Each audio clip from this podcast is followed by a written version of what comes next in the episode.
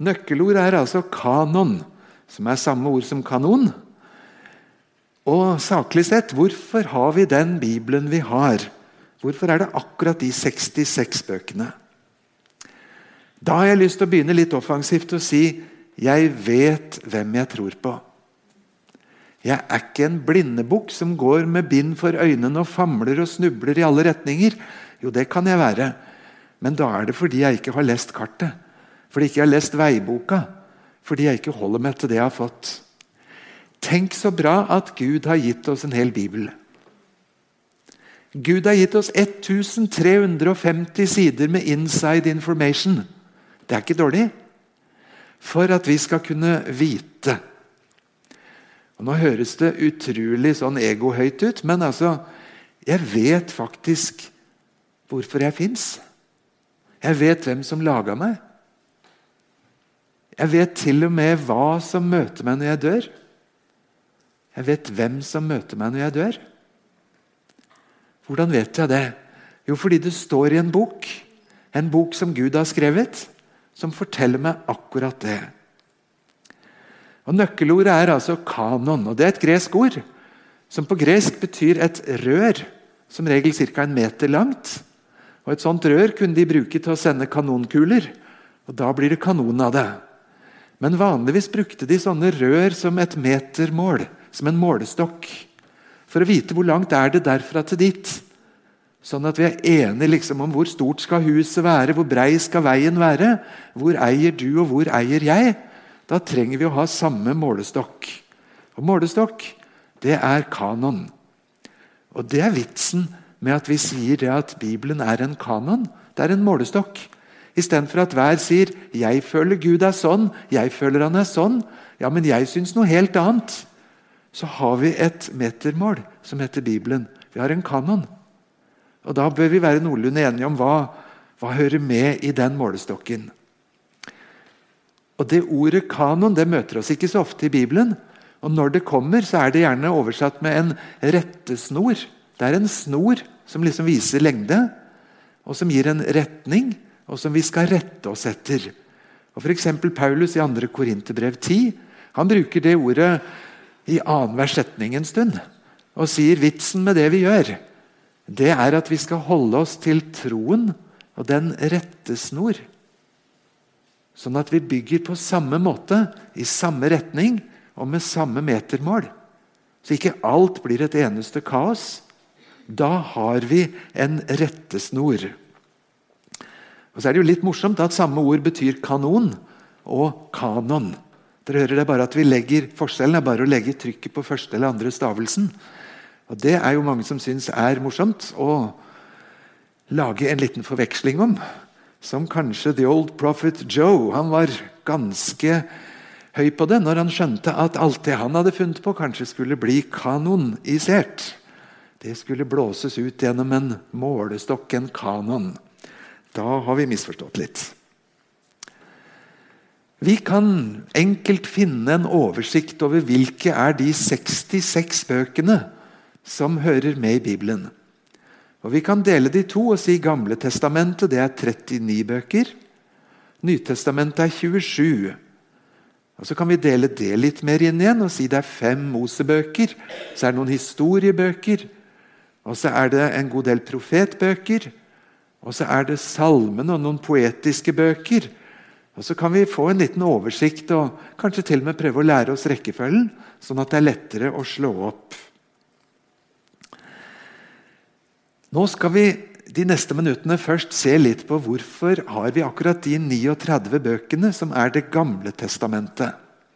Hvorfor ikke 40? Hvorfor alle de 39? Og Det går det an å svare nokså enkelt på. For det er ikke noe vi har funnet på i forgårs eller på et kirkemøte. Vi gjør sånn som Jesus gjorde, og vi gjør sånn som apostlene gjorde. For de var veldig tydelige på hvilke bøker var det de bygde troen på. Og hvem kan ha en bedre læremester enn Jesus? Nå skal jeg straks få vise dere hvordan Jesus peker på akkurat disse bøkene. Men Jesus og alle apostlene de hadde samme Gamle testamentet som i grunn alle jøder på Jesu tid hadde. Og det er det korte svaret. Og Hvis du blar litt i Nytestamentet, så snubler du igjen og igjen over noen steder hvor det står litt om hvordan Jesus hentet opp Det gamle testamentet.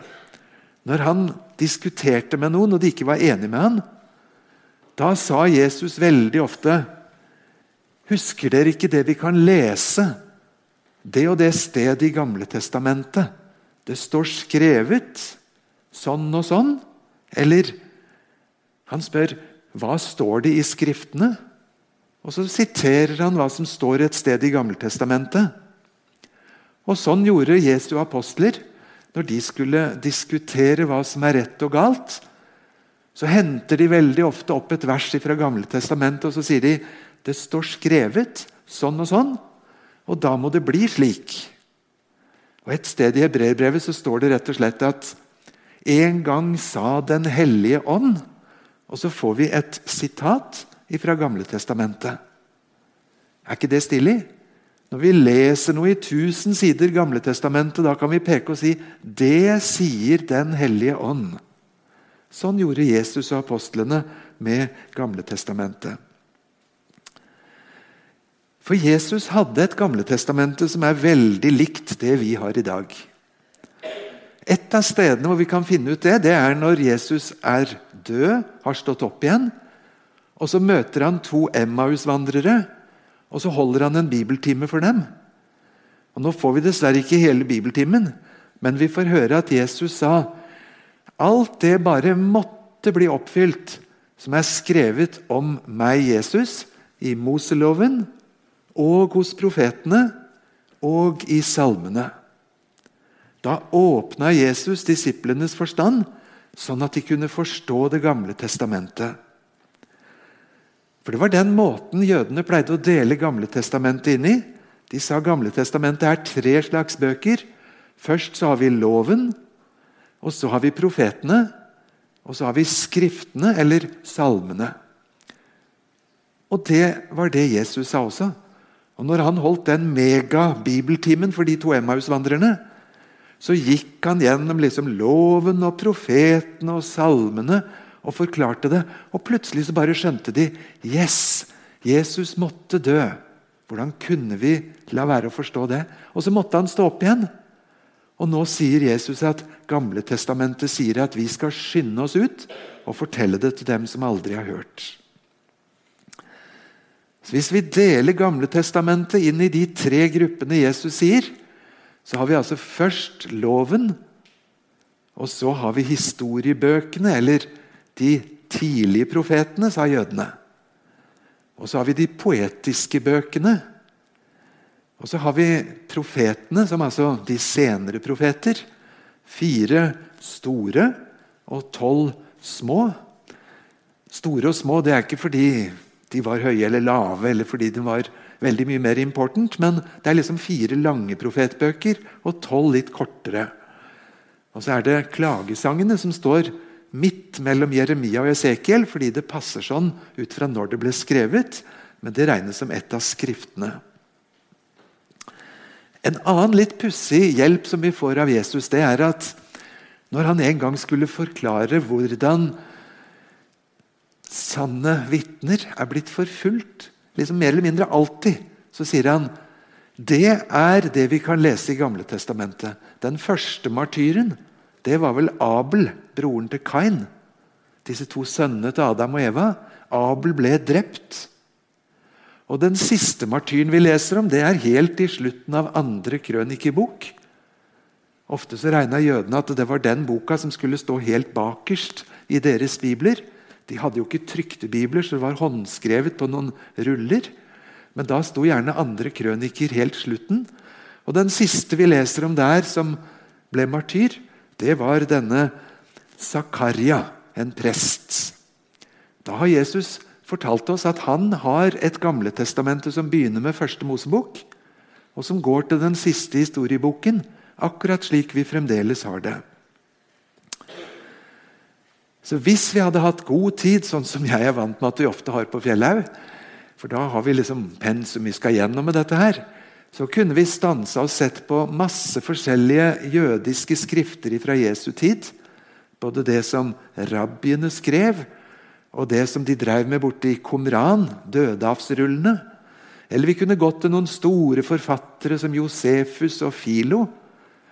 Og Da ser vi at jødene på Jesu tid var ganske opptatt av dette med kanon. Hvilke bøker hører med eller ikke? Og Det var en viss tvil om Salomos høysang, og kanskje om forkynneren eller predikeren. Og Når de diskuterte det, så sa de en bibelbok som gjør hendene våre skitne, det er Guds ord. Du føler deg ikke skitten på hendene av å bla i hva som helst annet. Men når du kommer nær til Gud, så kjenner du jeg er en synder. Hendene mine blir skitne. De bøkene som gjør oss skitne på hendene, så vi kjenner det, det må være Guds sine bøker. Og så var det en måte de liksom ville være sikre på at ikke vi tar med for mye, og heller ikke for lite. Mange steder i Nytestamentet så står det at hver eneste bokstav og alle skriftene i Det gamle testamentet, dem er det Gud som har funnet på. Han er forfatteren. Aller tydeligst i 2. Timotius 3,16. Der står det at hver eneste bok i Skriften er pustet, blåst eller inspirert av Gud selv. Det er jo derfor de er så nyttige. Både til å bli opplært, til å få vist hvilken vei vi skal gå, og til at Gud kan oppdra oss i den retning han vil. Det er fordi Gud har pustet inn. Og Et annet sted så skrev Paulus at alt det som står i Gamle Testamentet, det er skrevet egentlig for oss. Gud ville noen skulle skrive ned alle de tusen sidene, sånn at vi kan lære av det. Og så kan vi få håp av det, og så kan vi bli tålmodige. Og så kan vi finne trøst i at Gud har sagt det sånn. Romerne 15, 15,4 sier akkurat det der. Jesus han var ganske opptatt av å gi oss en retning. Tusen sider Gammeltestamentet. Det handler jo om så mye spesielt og masse folk og sånn. Ja, det gjør jo det. Men Jesus han våget å sette det på spissen og sa Hele Gamle Testamentet handler om meg. Da snakker du enten sant, eller så er du fryktelig innbilsk. Tusen sider bok som er skrevet, som hele jødedommen verden over er stolt av, det er boken om meg. Det sier du ikke hvis det ikke er sant. Eller hvis du ikke er fryktelig innbilsk. Men det lærer meg noe viktig. For når jeg leser Det gamle testamentet, så leter jeg på en måte etter Jesus der. Og Det er nettopp fordi alle pilene på en måte peker framover og framover. Tusen sider Gammeltestamentet blir som en trommevirvel som bare drar seg på sterkere og sterkere. Og sterkere og sterkere. Og så venter du liksom på en skikkelig sånn gong-gong i cymbalene. Og så hører du Jesus sier 'Yes, det er fullbrakt'. Tusen sider preludium. Det handler om meg. Det peker fram mot meg. Enda en måte å vite at vi sitter igjen med de riktige bøkene, det er å se på hva er det som blir sitert. For Nytestamentet siterer Det gamle testamentet flere hundre ganger. Pluss alle de gangene hvor det ikke siteres sånn ord for ord, men det hintes til noe som hendte, eller et uttrykk, eller en ordning. Og så er det mange forskere som har sittet og bladd gjennom alle sånne sitater og alle små hint og sett hvor er dette hører sammen. Og Da har de funnet at alle deler av Gammeltestamentet er tydeligvis i bruk i det nye. Og så er det pussig at det er omtrent ingen andre skrifter som blir sitert, enn akkurat det vi har i Gammeltestamentet. Vi har et par unntak. og Det er når Paulus holder en tale på Areopagos i Aten. Før han kommer til saken, så sier han at 'jeg har hørt dere har en dikter her som sa noe veldig fint'. La meg sitere han. Og Så siterer han, og så forklarer han hvor mye av det som er riktig, og hvordan det egentlig må korrigeres litt av Bibelen for å bli helt riktig. Og Et sted så skriver han til Titus at 'stakkars deg, Titus, som må være igjen på Kreta'. Det er ikke så lett for folk der. Ja, De er nå slik eller slik, sånn som en av deres egne diktere har sagt. Og Så siterer han hva en kreter sa om oss kretere. Og Så sier Paulus det var veldig riktig sagt, det han påsto. Da skjønner vi at det er en type sitat som er sånn som en taler gjør for å komme i møte. Men resten av sitatene er altså ifra Bibelen, Gammeltestamentet, alle sammen. Noen vil si vi har ett unntak, og det er i Judas brev. Hvor det plutselig blir et sitat av noe som Enok skal ha sagt.